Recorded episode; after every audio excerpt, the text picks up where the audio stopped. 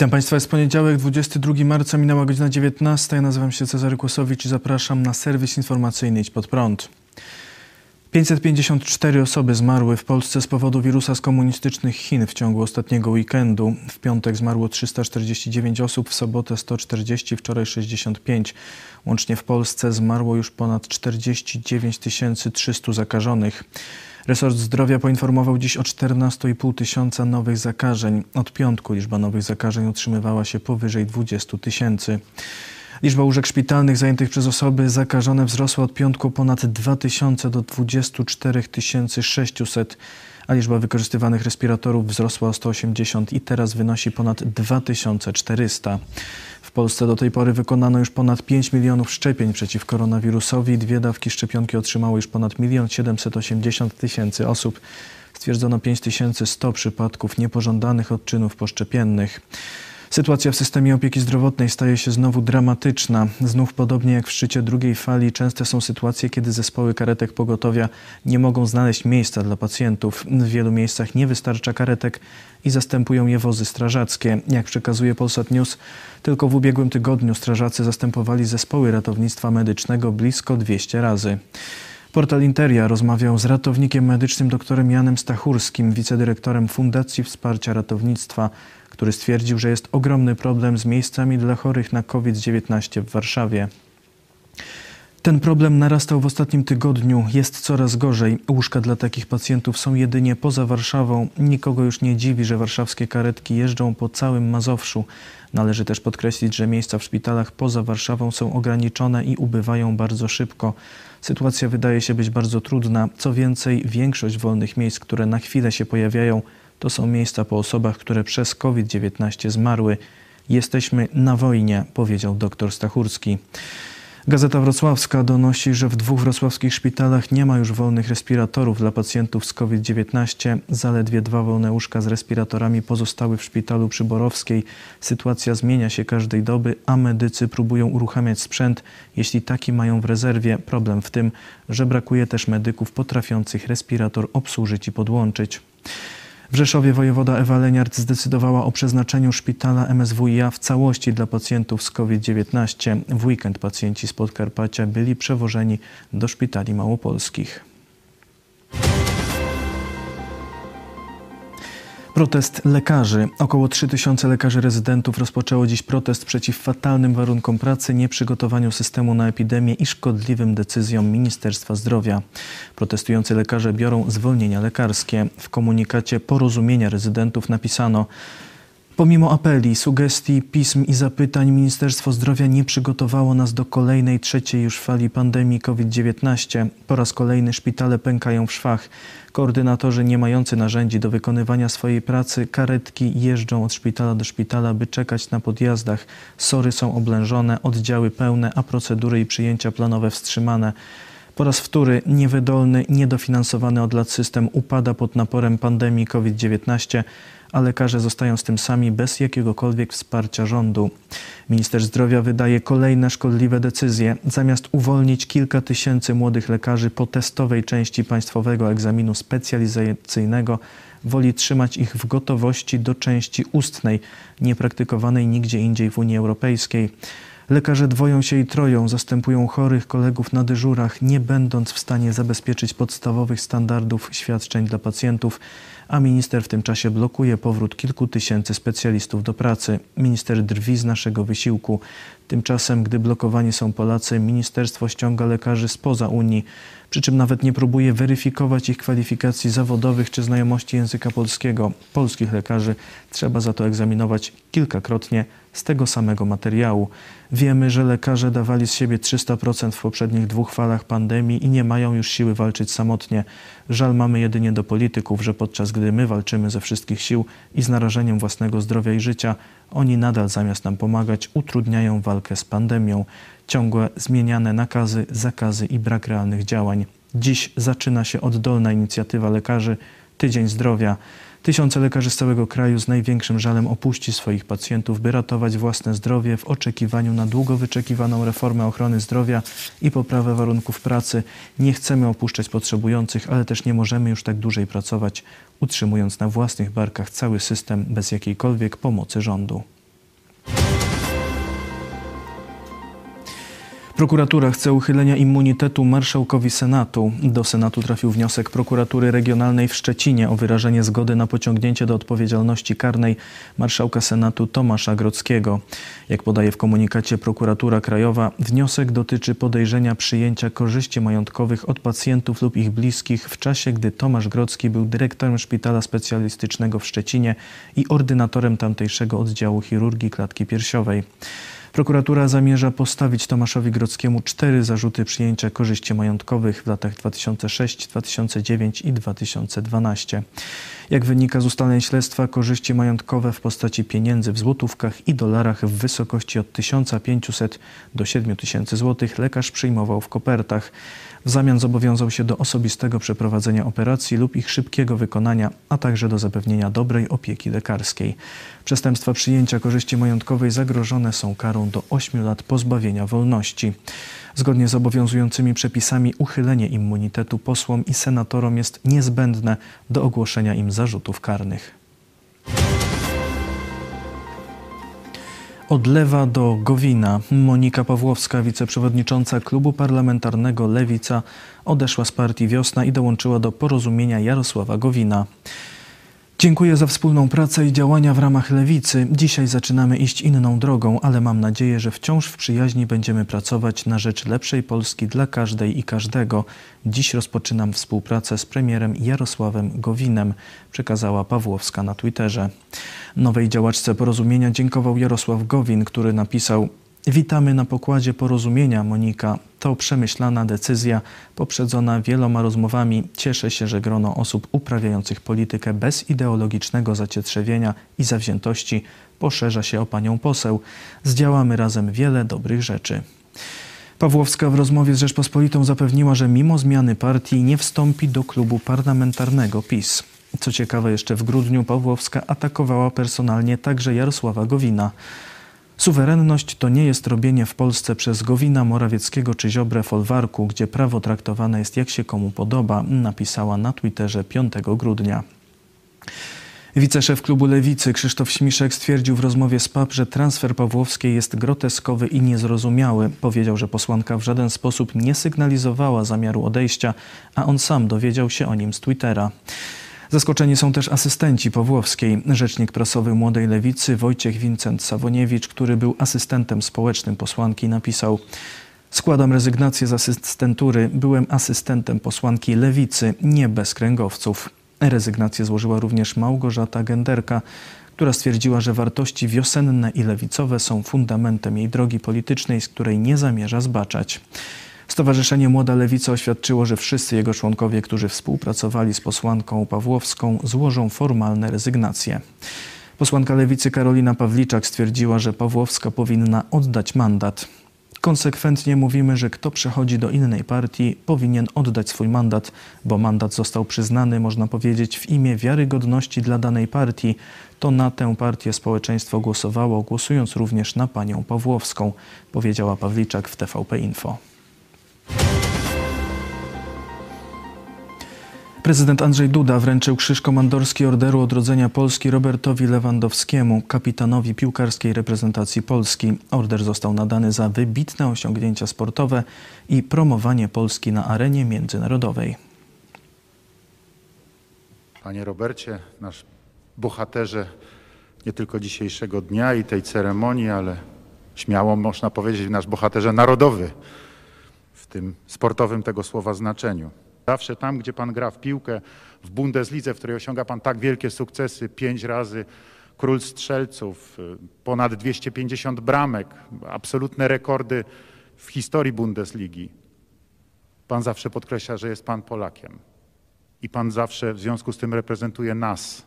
Jest Pan też wielką postacią. Jest Pan nie tylko wielkim piłkarzem, jest Pan wielką postacią. Piłka nożna nie jest łatwą dyscypliną i tutaj oczekiwania są duże i też temu trzeba sprostać. Ja się oczywiście tego nie boję, zawsze lubiłem wyzwania, zawsze lubiłem mierzyć wysoko.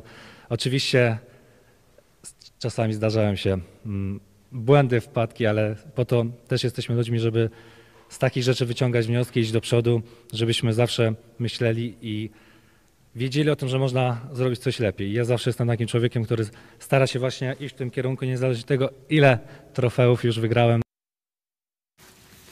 Dziś w programie Idź pod prąd na żywo zwrócono uwagę, że uhonorowany przez prezydenta piłkarz aktywnie promuje firmy z komunistycznych Chin, które angażują się w prześladowanie mniejszości etnicznych i religijnych. Hanna Shen przypomniała, że zarówno Huawei, jak i ByteDance, czyli właściciel TikToka, są zaangażowane w budowanie aparatu represji i kontroli. Ich sprzęt i technologia są wykorzystywane w obozach koncentracyjnych. To jest element systemu represji. Bez tych dwóch firm na pewno nie działałby tak sprawnie i miliony Ujgurów, muzułmanów, a także chrześcijan nie cierpiałoby, nie byliby poddani tak strasznej represji, mówiła korespondentka telewizji Idź prąd na Tajwanie. Podkreśliła, że jest przekonana, iż Robert Lewandowski wie o tych faktach, ponieważ mówią o tym media niemieckie, a także niektórzy piłkarze, jak na przykład Mesut Ozil czy Antoine Griezmann, który zerwał współpracę z Huawei po tym, jak pojawiły się informacje o udziale tej firmy w inwigilacji Ujgurów. Firmie Huawei jest bardzo na rękę, że Lewandowski angażuje się w różne kampanie, na przykład w Boże Narodzenie, w czasie kiedy były zwiększane represje na chrześcijan w Chinach. Wielu tych, którzy chcieli obchodzić święta Bożego Narodzenia, trafiło do aresztów, powiedziała Hanna Szen. Sprawę skomentował także pastor Paweł Chojecki. Order odrodzenia Polski nie jest związany tylko z lepszym czy gorszym kopaniem w piłkę, ale powinien być związany z budowaniem potęgi państwa polskiego. Jest wielu innych ludzi, którzy można by było e, znaleźć, którzy się, e, którzy się zasłużyli, ale nie, nie współpracują z komunistami tego odznaczenia według mnie nie powinien dostać. Niech sobie już tam odbiera jakieś tytuły, medale sportowe i tak dalej, ale no, dziś według mnie dziennikarze sportowi, właśnie milczenie e, dziennikarzy sportowych na, na, te, na ten temat, albo takie ciągłe mówienie, no tak, no to, to rzeczywiście źle, ale jest świetnym sportowcem i nie wypominanie mu tego spowoduje, że e, Lewandowski udaje, że nie ma problemu i że może dalej reklamować zbrodniczy system i, i firmę w, w to, w, zaplątaną w tworzenie tego systemu. Ja bym mniej przejmował się panem Lewandowskim, ale y, tutaj decyzja y, prezydenta Dudy i jego doradców. To jest dla mnie coś bardzo, bardzo niepokojącego, szczególnie, że prezydent Duda nie po raz pierwszy Y, przymykał oko na panoszenie się komunistycznych Chin y, w Polsce, na groźby ze strony y, komunistycznego ambasadora w stosunku do polskich dziennikarzy, a wielokrotnie wsławił się wysławianiem komunistów chińskich. To na prezydencie spoczywa główna wina i odpowiedzialność za tego typu decyzje. Partia Porozumienie wystawiła kandydata na prezydenta Rzeszowa. Został nim rzeszowski radny Waldemar Kotula, który wygrał w partyjnych prawyborach z pochodzącym z Krosna Arkadiuszem Oponiem. Ogłaszając swoją kandydaturę, Kotula opisał skrótowo założenia swojej prezydentury. Skupiłaby się na uporządkowaniu ładu przestrzennego. Koniecznością jest ochrona zielonych terenów przy Wisłoku. To, co leży mi na sercu, to stworzenie budżetu dla rad osiedli na inwestycje. Ustawa daje możliwość wprowadzenia ustawy krajobrazowej, aby zniwelować ten śmietnik reklamowy, który jest w mieście. W sprawach ważnych trzeba angażować obywateli. Tam, gdzie jest ich sprzeciw lub aprobata, muszą mieć możliwość wyrazić głos i ten głos musi być uszanowany, powiedział kandydat porozumienia. Zaznaczył też, że chce, by w mieście powstał kliniczny szpital uniwersytecki. Ponadto zapowiedział wyprowadzenie z okolic rynku ruchu samochodowego oraz integrację biletów MPK, MKS i PKP. Oddzielny start w wyborach zapowiedzieli już przedstawiciele pozostałych partii koalicyjnych Ewa Leniart z PiS oraz Marcin Warchoł z Solidarnej Polski. Ugrupowania opozycyjne PO, PSL, Lewica i Polska 2050 Szymona Hołowni wystawiają wspólnego kandydata Krzysztofa Fiołka. Z ramienia Konfederacji startuje Grzegorz Braun. Ponadto start w wyborach zapowiedzieli Maciej Masłowski i Kazimierz Rochecki.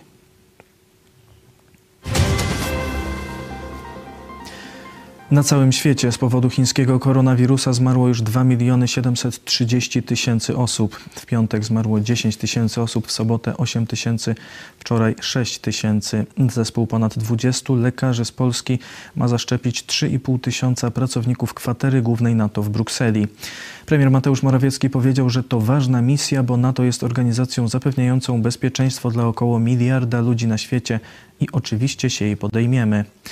Zawsze byliśmy lojalnym i rzetelnym sojusznikiem NATO i tak samo traktujemy inicjatywy sojuszu związane z walką z pandemią, bo wierzymy, że tylko solidarne działanie z naszymi przyjaciółmi przyniesie światu szybki powrót do normalnego życia, przekazał premier.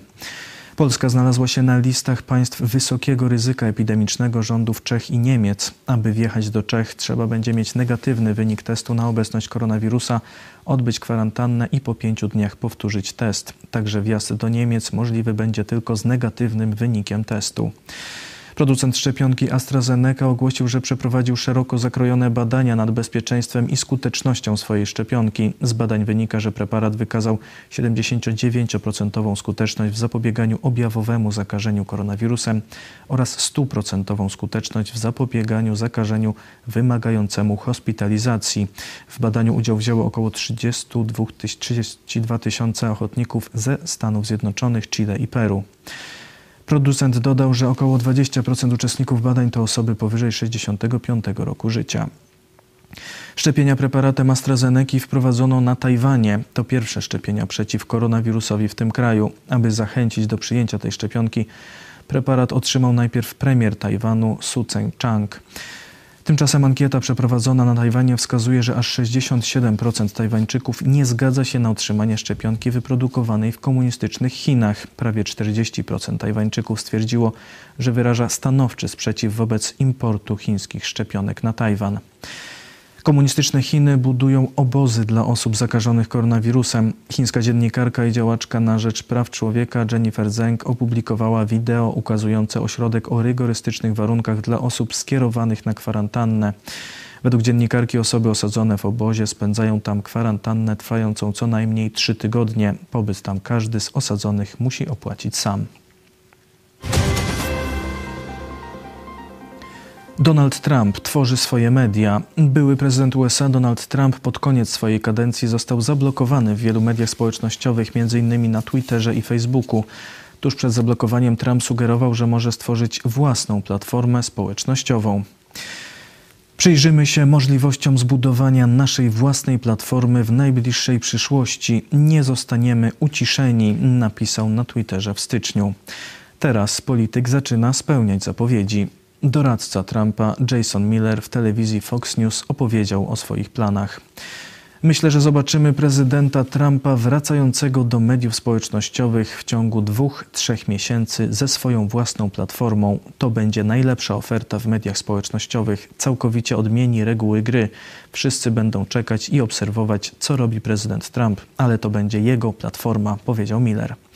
Doradca byłego prezydenta USA wyjawił, że Trump odbył wiele spotkań z różnymi zespołami na temat rozwoju nowego przedsięwzięcia oraz że wiele firm kontaktowało się z nim w tej sprawie. Jak przewiduje Miller, nowa platforma przyciągnie dziesiątki milionów ludzi.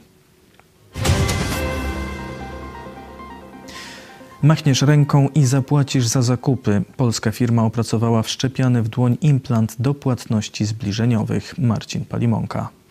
Polski startup WalletMore opracował implant do płatności zbliżeniowych, który może być umieszczony w dłoni. Według twórców implant jest bezpieczniejszy niż znane nam środki płatnicze, gdyż nie jest możliwe łatwe skopiowanie danych, przykład przez sfotografowanie, tak jak w przypadku karty płatniczej. Twórcy zapewniają również, że implant jest wygodniejszy, gdyż nie musimy nic ze sobą nosić. Sam implant ma rozmiary 29 na 7 mm. Jest elastyczny i może być umieszczony w dłoni za pomocą nacięcia chirurgicznego bądź specjalnej igły. Sam zabieg jest przeprowadzany przy miejscowym znieczuleniu. Zabieg musi być wykonany przez odpowiednio wykwalifikowaną osobę. Pozostawia na dłoni niewielką bliznę. Urządzenie składa się z chipa wykonanego w tej samej technologii co karty płatnicze, czyli Near Field Communication. Nie posiada więc wewnętrznego źródła zasilania ani baterii. Wokół chipa znajduje się biała antena. Całość umieszczona jest w biopolimerze, który, jak zapewniają twórcy, jest bezpieczny dla człowieka, gdyż nie wchodzi w reakcję z ludzkimi tkankami. Obecnie, aby skorzystać z implantu, należy najpierw go zakupić za cenę około 200 euro, następnie założyć konto w aplikacji iCard, aktywować implant i zamontować go w ciele. Później, po przelaniu środków na konto iCard, można już korzystać z płatności zbliżeniowych własną dłonią. I przechodzimy do wiadomości sportowych. Bardzo udanie zakończyła sezon Maryna Gąsienica Daniel. Polska Alpejka zajęła dziesiąte miejsce w slalomie gigancie w finałowych zawodach rozgrywanych w szwajcarskim Nanzerheide. Gąsienica Daniel wystartowała w zawodach pomimo urazu żeber, którego doznała w słowackiej Jasnej. Zawody wygrała Alice Robinson z Nowej Zelandii. W klasyfikacji końcowej slalomu giganta naj, nasza najlepsza alpejka zajęła 14 miejsce, natomiast w klasyfikacji generalnej Pucharu Świata Maryna Gąsienica Daniel zajęła 39 pozycję. Najlepszą zawodniczką tegorocznego sezonu okazała się Słowaczka Petra Wilchowa. Krzysztof Głowacki nie zdobył tytułu mistrza świata wagi junior ciężkiej Federacji WBO. W sobotę w Londynie Polak przegrał przez nokaut z niepokonanym Brytyjczykiem Lorenzem Okolie. Walka miała jednostronny przebieg. Brytyjczyk umiejętnie wykorzystywał przewagę wzrostu i wagi, boksował bardzo szybko i inteligentnie oraz dobrze pracował na nogach. Walka zakończyła się w szóstej rundzie, w której Brytyjczyk trafił Polaka prawym hakiem. Głowacki znalazł się na macie i był liczony przez sędziego. Wstał, ale chwiał się na nogach i sędzia po chwili zakończył pojedynek. Polak jest byłym czempionem Federacji WBO. Pas zdobył w 2015 roku po zwycięstwie nad Niemcem Marko Hakiem. Natomiast utracił go we wrześniu 2016 roku po porażce z Ukraińcem Aleksanderem Usykiem. Zwycięstwami gospodarzy zakończyły się pierwsze mecze fazy play-off siatkarskiej plus ligi. Trefl Gdańsk dość niespodziewanie pokonał aktualnego wicemistrza Polski Werwę Warszawa Orlen Paliwa 3 do 1. A PGS Krabełchatów takim samym wynikiem pokonał Aseko Resowie Rzeszów. Z kolei obrońca tytułu mistrza Polski Zaksa Kędzierzyn-Koźle wygrał 3 do 1 ze Ślepskiem Suwałki. W ostatnim rozegranym pojedynku Jastrzębski Węgiel pewnie pokonał Aluron CMC Warte Zawiercie 3 do 0. Rywalizacja toczy się do dwóch wygranych spotkań. Kolejne mecze odbędą się w najbliższy weekend. W ostatni weekend w siatkarskiej Tauron Lidze rozegrano kolejne mecze fazy play-off. Do półfinału Mistrzostw Polski awansowały siatkarki Developresu Skyres Rzeszów oraz grupy Azoty Chemik Police. W ćwierćfinałowej rywalizacji pomiędzy DPD Legionowa Legionowo a Leclerc Moja Radomka Radom o awansie do dalszej fazy rozgrywek zadecyduje trzeci pojedynek. W drugim spotkaniu Radomianki pokonały siatkarki z Legionowa 3 do 1 i tym samym po dwóch meczach obie ekipy mają po jednym zwycięstwie. W ostatni weekend poznaliśmy półfinalistów Pucharu Anglii w piłce nożnej. W sobotę Southampton z Janem Bednarkiem w składzie pewnie pokonało Bournemouth 3 do 0. W drugim sobotnim meczu lider Ligi Angielskiej Manchester City pewnie wygrał z Evertonem 2 do 0. Takim samym rezultatem londyńska Chelsea wygrała z Sheffield United.